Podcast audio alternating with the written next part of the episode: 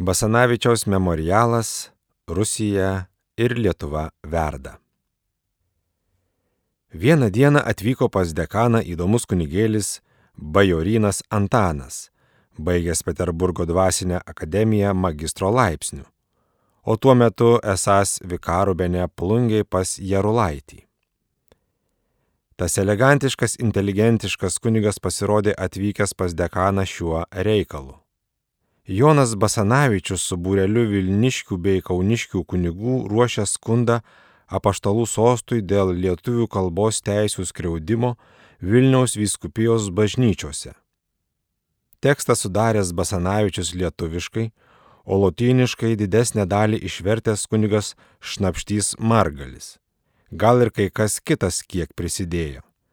Reikia baigti išversti, o Margalio vertimą perkorektuoti.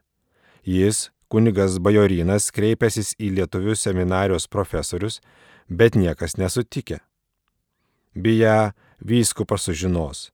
Tad sumanytojai nutarė kreiptis į šį mūsų seminarijos dekaną, nes girdėję, jog jis lotyniškai pakankamai mokas.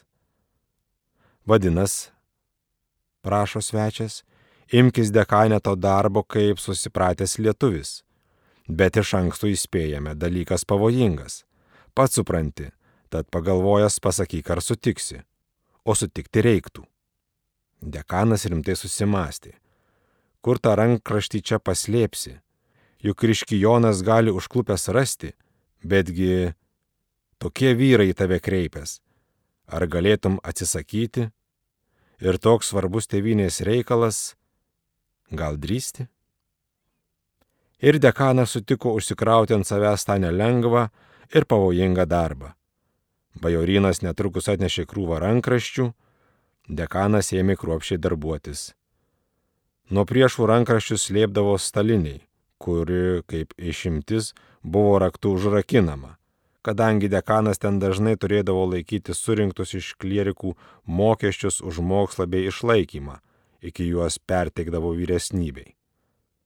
Taip tatai, nors darbas truko ilgokai, bet dvikojas nuselės neužuodė, o inspektorius neprisiprotėjo žvilgterėti, ką ten dekanas laiko šalia pinigų. Basanavičius kartais užeidavo į seminariją, turbūt pas profesorių Januševičių. Dekanas žiūrėdavo į jį iš tolo su didelė pagarba, o susitikti būtų labai varžęsis, nors būtų laikęs tai nemaža garbė ir laimė. Tačiau susitikti te teko vien nepriklausomoje Lietuvoje po daug metų.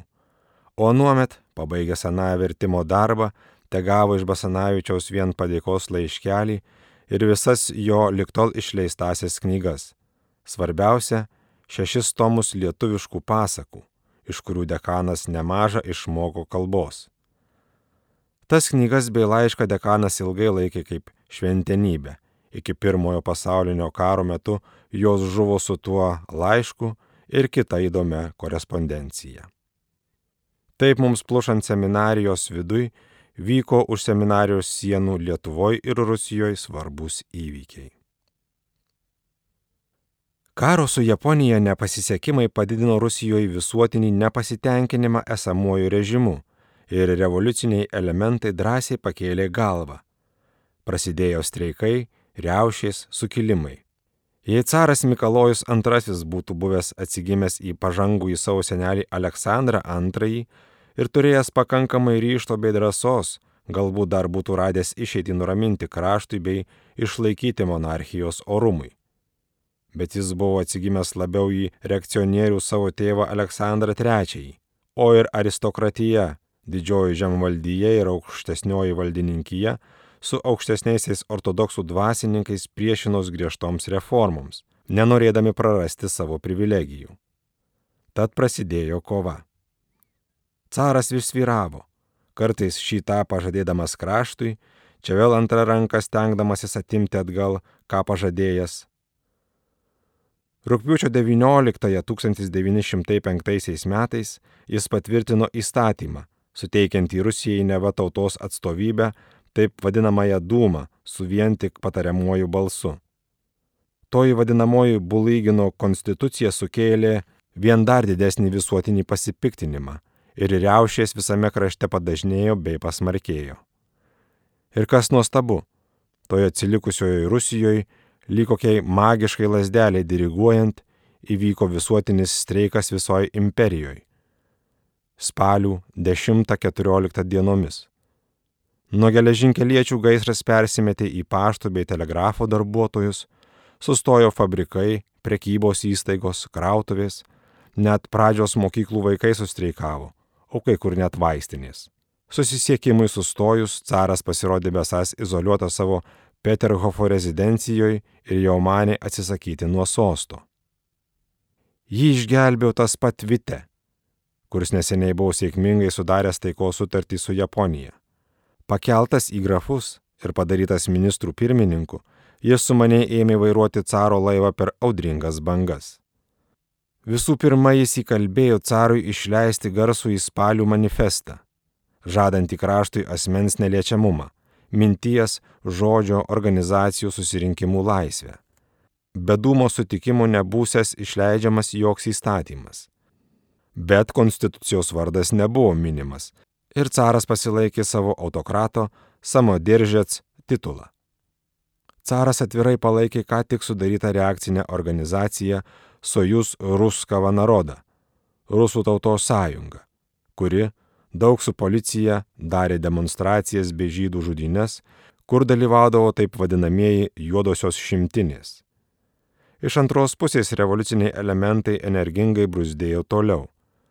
Peterburgė susidarė darbininkų sovietų tarybų centras bei vadovybė, kuris kelbė nutarimus ir bandė vaidinti antros vyriausybės vaidmenį. Trotskis su Leninu garsino nuolatinę revoliuciją. Ta sovietų lizdas liko areštuotas. Tuokart Maskvoje gruodžio 16 dieną prasidėjo ginkluotas sukilimas, kuris truko lik gruodžio 26 dienos bet iš Peterburgo buvo atsiusta gvardijos pulkų, kurie sukilimą numalšino. Sudaryta taip vadinamieji baudžiamieji būriai, kur vadovaujami generolų Mino, Renenkampfo ir Moiler Zakomelskio be pasigailėjimų nuslopino visoje Rusijoje revoliucijos liekanas. Nun grįšim į Lietuvą. Kaip čia reiškės ta Rusijos revoliucija Čia irgi žmonės ėmė brusdėti iš pradžių švelniau, pasitenkinta vien drąsesnėmis kalbomis, asmens, žodžio, visuomeninių bei politinių organizacijų laisvės reikalavimų, peticijomis į carą. Kadangi kitose Rusijos pavergtose tautose ėmė kilti noras gauti plačią politinę autonomiją, apie tai ir Lietuvai kas kart vis drąsiau imta kalbėti bei rašyti. Galop kai kur pradėta uždarinėti degtinės monopoliai, pašalinėti rusai mokytojai bei viršaičių sekretoriai, ypač kai Rusijoje įvyko visuotinis streikas. Bet visa tai vyko gaivališkai, be aiškaus plano bei vadovybės. Tam judėjimui viena linkime pakreipti buvo sušauktas Vilniuje gruodžio 4-6 dieną 1905 metais visuotinis lietuvių Seimas. Didelis buvo visų lietuvių užsidegimas kruopšiai ir karštai ruoštasi, išrinkta verčiausiai. Ir štai Seiman susirinko net apie 2000 atstovų iš visų sluoksnių, visų partijų, net iš mažosios Lietuvos. Po karštų ginčių Seimas prieimė nutarimą, kurs kai ką anuomet tiesiog gazdino savo drąsumu, o kitus elektrizuoti elektrizavo. Reikalauti autonomijos visai etnografiniai Lietuvai su visuotinio balsavimo renkamu Seimu Vilniuje. Nemokėti rusų valdžiai jokių mokesčių, uždarinėti degtinės monopolius, neleisti vaikų į rusiškas mokyklas, neiti į kariuomenę ir nesikreipti į jokias valdžios įstaigas. Reikalauti, kad mokyklose visi dalykai būtų dėstomi lietuviškai ir kad valščiuose visi reikalai būtų atliekami taip pat lietuviškai. Ne vienus mūsų lietuvius visi tie įvykiai giliai paveikė.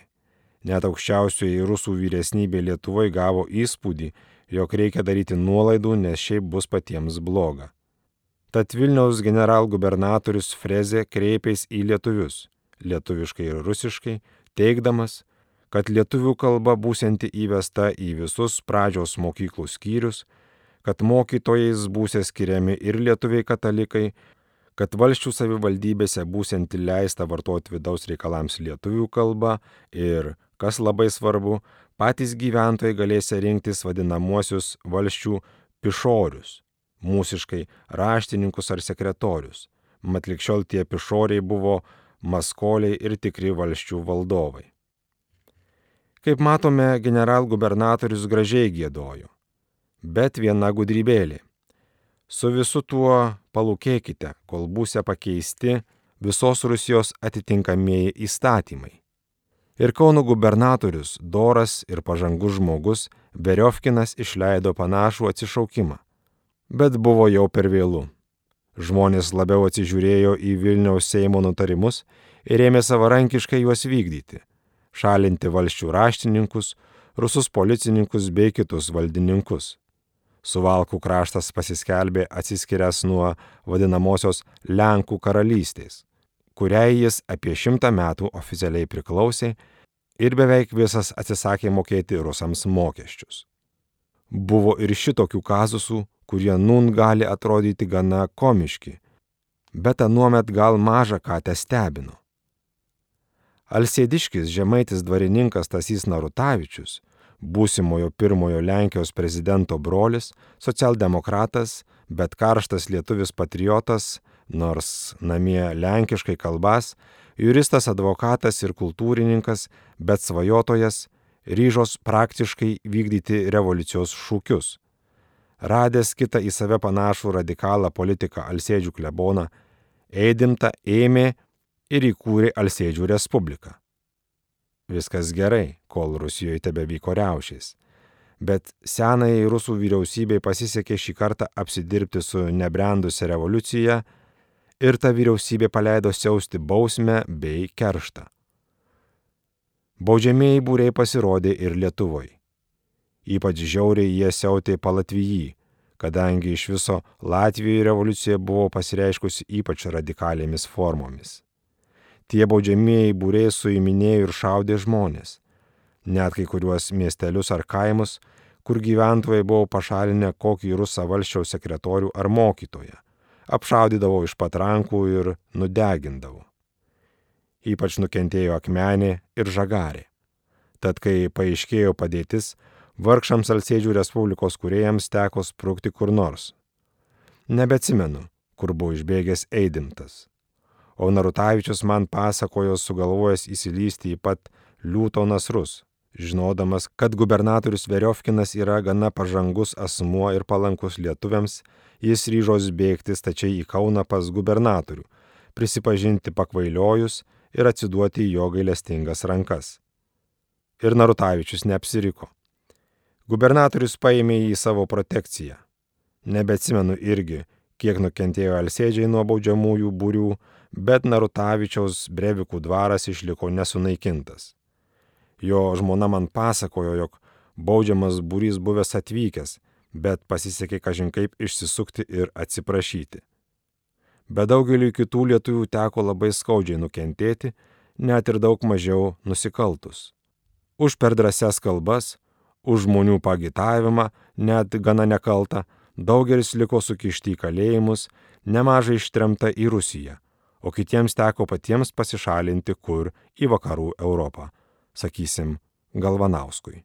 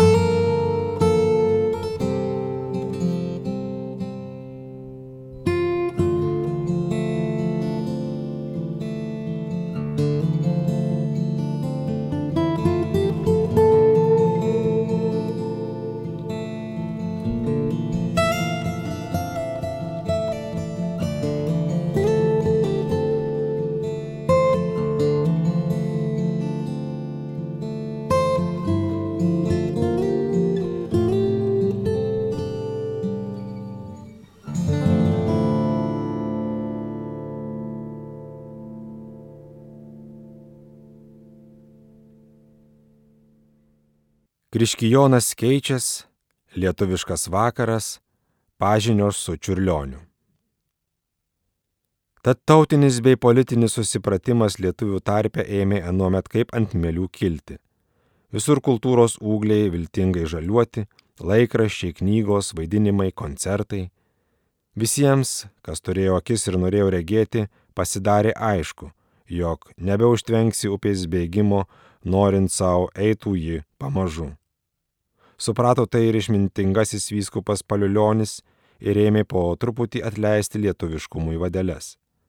Matyti atitinkamų nurodymų jis davė ir savo politikos seminarijos vykdytojams, kad taip nebesmarkautų prieš lietuvius. Tad ir Kriškijonas pradėjo rodyti lietuviams daugiau atodairos.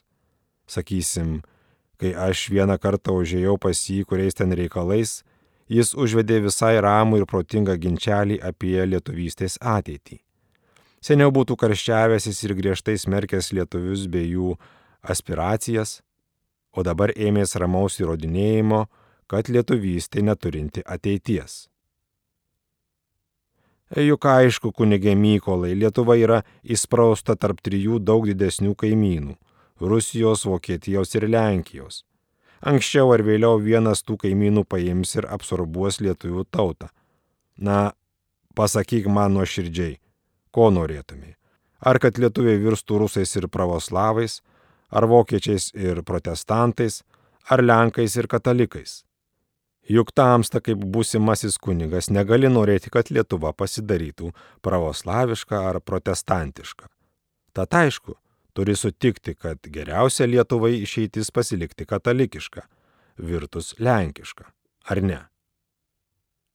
Aš į tai kunigui inspektoriui atsakiau šitaip. Atleiskite, gerbiamas kunigė kanauninkė, aš matau dar vieną išeitį. Nagi kokią? O kad Lietuva pasiliktų lietuviška ir katalikiška. Ne, tai neįmanoma. Man atrodo, kad visai įmanoma. Leiskit mums bent pabandyti. Jei pamatysim nesisekant, tai galėsim svarstyti, kas toliau daryti. Kiek vėliau turėjau dar vieną su juo pasikalbėjimą apie lietuvystę. Jis teigė man maždaug taip. Jūs lietuvininkai nuolat šaukėt. Lietuva tėvynė mūsų. O ką jos naudai darot? Ar tyrinėt jos praeitį? Ar bandot praturtinti jos literatūrą, ypač mokslinę bei religinę, bent klasikinių veikalų vertimu, kadangi originalių dar negalit turėti? Na, kad ir pats, jei jau esi toks tėvynės mylėtojas, ar darai ką nors? Štai aš turiu savo knyginę puikių lituanistikos skyrių. Tik imk, studijuok, naudok busimiems savo raštams. O juk verkiamai esate reikalingi religinės asketinės literatūros. Imk, vers ką nors į lietuvių kalbą. O ką, kunigė inspektoriau, patartumai? Na, štai kad ir šventojo Jeronimo laišką Nepotijanui. Nuostabiai gražus ir visiems laikams tinka. Paėmiau, pradėjau versti, nebeatsimenu, kiek išverčiau ir kur tą vertimą nudėjau. Su lietuvių kova prieš lenkystę seminarijoje yra susijęs ir šis atvejis. Tad nors jis įvyko tik 1906 m. užgavinėse, atpasakosiu jį čia pat.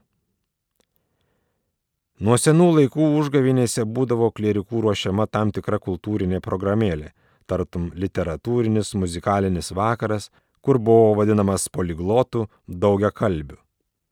Šiais metais dekanas sugalvojo suruošti grinai lietuvišką. Bet kaip tai padarius? Juk seniai nuostatai tebe galioja.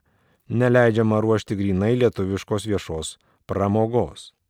Bet dekaną ima labai didelė pagunda sulaužyti tą tvarką. Tik padaryti tai visiškai savavališkai būtų per pavojinga.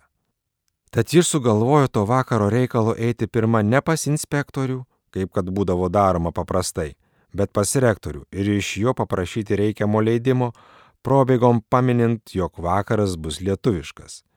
Gal diplomatas rektorius apsimes nepastebėjęs šios mažos aplinkybės ir duos leidimą apskritai. Dekanas taip ir padarė. nuėjo pas rektorių ir paprašė. Rektorius, kaip paprastai, tartum truputį sumišęs, į šalį žiūrėdamas, pirštais kažko aplink kaktą graipstydamasis, puškuodamas, pateigė. Žinoma, galite vakarą ruošti. Inspektorius, lyg laiko neturėdamas, smulkmeniškai netyrinėjo, ką jie ten tame pasirodyme pateiksia, gal iš tikrųjų tyčiomis vengdamas susirėmimo ir pareiškė - ruoškite. O kai prieš tą vakarą dekanas nuėjo jo pakviesti kaip ir kitų, kad apsilankytų pramogoje, jis pareiškė turėsęs kažkur išvykti ir nedalyvavo iškilmėje. Artistų tarpe nebūta nei vieno neklieriko. Taip pramogėlė išėjo kukli, šeiminiška ir visai lietuviška. Nekalbėsiu apie paprastai tokių vakarėlių dalyvių klierikų chorą, kuris gal nebuvo žemos rūšies, betgi negaliu nepaminėti trejeto deklamatorių. Buvo toks klierikėlis nedidukas blondinas, paukščio veiduku, ilgokas mailė nosyte, šelmiškų žvilgsnių Ignatavičius. Ne Vilijampolietis Kaziuk mit Alangė kapot, o kitas Benestasys. Jis padeklamavo iš anykščių šilelio gyrios garsų simfonijėlę taip gyvai, taip vaizdžiai, o vienkart estetiškai jog ir nun po tiek daug metų malonu prisiminti. Antrasis to vakaro deklamuotojas buvo klierikas Antanas Bamblauskas. Tas gyvai, vaizdžiai ir humoristiškai pateikė monologą iš vaižganto, nepadėjus nerko kasti. Trečiasis vakar deklamatorius, klierikas Jonas Jonauskas, ėmės gyvų žodžių atkurti kažinkieno sukurtą eilėraštį Nemuno Vilnys. Po tiek metų nebegalėčiau pasakyti, ar tas kūrinėlis buvo ko vertas, bet deklamatoriaus atkūrimas buvo blizgas, gyvas, karštas, įtikinas, pagaunas. Atleiskite, kad čia nuo meninės pramogos perėsiu stačiai prie tikrovinių laidotuvių. Bet ką veiksi, kad gyvenime dažnai taip atsitinka. Čia džiaugsmas, čia verksmas arba atvirkščiai. Kaip tik apie tą laiką mirė mano tėvas. Nors man tai labai svarbus įvykis, kitiems jis nekate pasakys. Ir aš jo čia neminėčiau, jei ne vienos įdomios pažinios, kurias padariau, beskubėdamas iš Kauno į Gargždus. Vėlų rytą pasiekiau plungę. Reikia pasilsėti. Tad į kleboniją, kur klebonas mano pažįstamas Jarulaitis, labai malonus ir vaišingas žmogus. Pasisakiau, dėl ko važiuojas. Jis labai bičiuliškai užjautė ir ėmė šnekinti bei vaišinti. Iš viso jis toks visiems palankus, malonus dručkis, apvaliaveidis, truputį žilstelėjęs, bet dar gražiais plaukais, dailiais veido bruožais, geromis truputį taukų užgultomis akutėmis. Jis nėra tipinis inteligentas, atrodo nedaug te skaitęs, bet turi užtenkamai sveiko, nors kiek naivaus proto, o geros valios darbuotis kunigiškai, patriotiškai, visuomeniškai, net ekonomiškai, su kaupų kaupais. Žinoma, susitikau ir malonų į bajoraitį vikarą bajoryną, su kuriuo, atsimenu, įsikalbėjome net apie politiką, net apie tokį specialų politinės moralės klausimą, ar leistina žudyti labai žalingus tautai aukštus valstybininkus, taip sakant, trijonus. Įdomus asmuo. Po daugelio metų ponė Sofija Čiurlioninė Jerulaičio seseriečia, kuri anomet ilgėliau laikydavo splungės klebonijoje pas dėdę ir turėjo progos bajoriną geriau pažinti, pasakojo man apie jį su tam tikra pagarba. Ką jinai teikdavos reikšti ne bet kam. Ir su užuojauta, jog jis jautėsis labai nelaimingas savo gyvenime. Ir jis palyginti jaunas mirė. O gaila. Bet įdomiausiasis ten susitikimas buvo kaip anuomet dar neįvertinau su Mikalojum Konstantinu Čiurlioniu. Kaip jis ten pateko? Mat, jis buvo buvęs plungiškio kunigaikščio Oginskio orkestro muzikantas ir todėl seniau jau turėjo būti pasižinęs su kunigu Jarulaičiu ir, žinoma, su ten augančia talentinga mokslinga gražuolė Sofija Kymantaitė. Kai aš važiuodamas ten sustojau, manau, jau juodu buvo suartėję ir menininkas Čiurlionis ten besiruošęs pirmajai lietuvių menininkų parodai, kuri įvyko 1907 m. pradžioj Vilniuje. Dabar Čiurlionis ten uoliai betapas, po paveikslo paveikslą ir prikabinėjęs pilną salioną. Taip man pasakoja klebonas ir vedęs ten tų paveikslų, o ir paties dailininko pamatyti. Įeidamas į salioną, Jarulaitis reikšmingai pažiūrėjo į mane ir dešinę ranką padarė tą mostą į kaktą, kuriuo paprastai be žodžių pasakoma. Tam žmogui truputis trūksta. Aš daviau suprasti, kad supratęs tai ir mūdu įžengėva į laikinę čiurlionio šventyklą. Jis be ne ką bet tapas, nugara į mus. Nedidelis, netvirtas stotas, išgirdęs kažką atėjus, atsisuko į mus, žvilgtelėjau plačiomis, ne į mus įsivaizdėjusiomis akimis ir, pažinęs šeimininką, mandagiai šyptelėjo. Klebonas proteguojamai nuolaidžiai pasisveikino ir mane pristatė. Pasisveikinau. Aš, kvailas kaip subrendęs vyras su jaunikliu.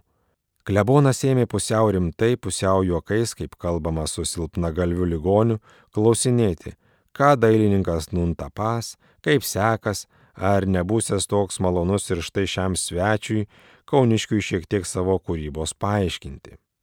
Ir čiurlionis, lyg to daktariško protekcionistiško tono nepastebėdamas, pradėjo mus vedžioti nuo paveikslo prie paveikslo ir gyvai sklandžiai berteberti savo meno idėjas. Deja, aš nekatės įstengiau įsigilinti, nes ko čia labai paisyti to, kaip anuomet dažnai pavartodavome bziko o jei ir būčiau labai atsidėjęs klausęsis, jo polikis vis tiek buvo nesulik mano sparnais. Jei neklystu, tuo metu dailininkas tapė savo pasaulio sukūrimą - visatos evoliuciją trijuose ar keturiuose paveiksluose. Tuos paveikslus man vėliau teko matyti Vilniuje, jau minėtoj pirmojoj parodoj. Veizdėjau aš į juos, veizdėjau ir nieko neįspitrėjau. Ir dabar dar man tebe atrodo, jog tas čiurlionio kūrinys nėra pasisekęs.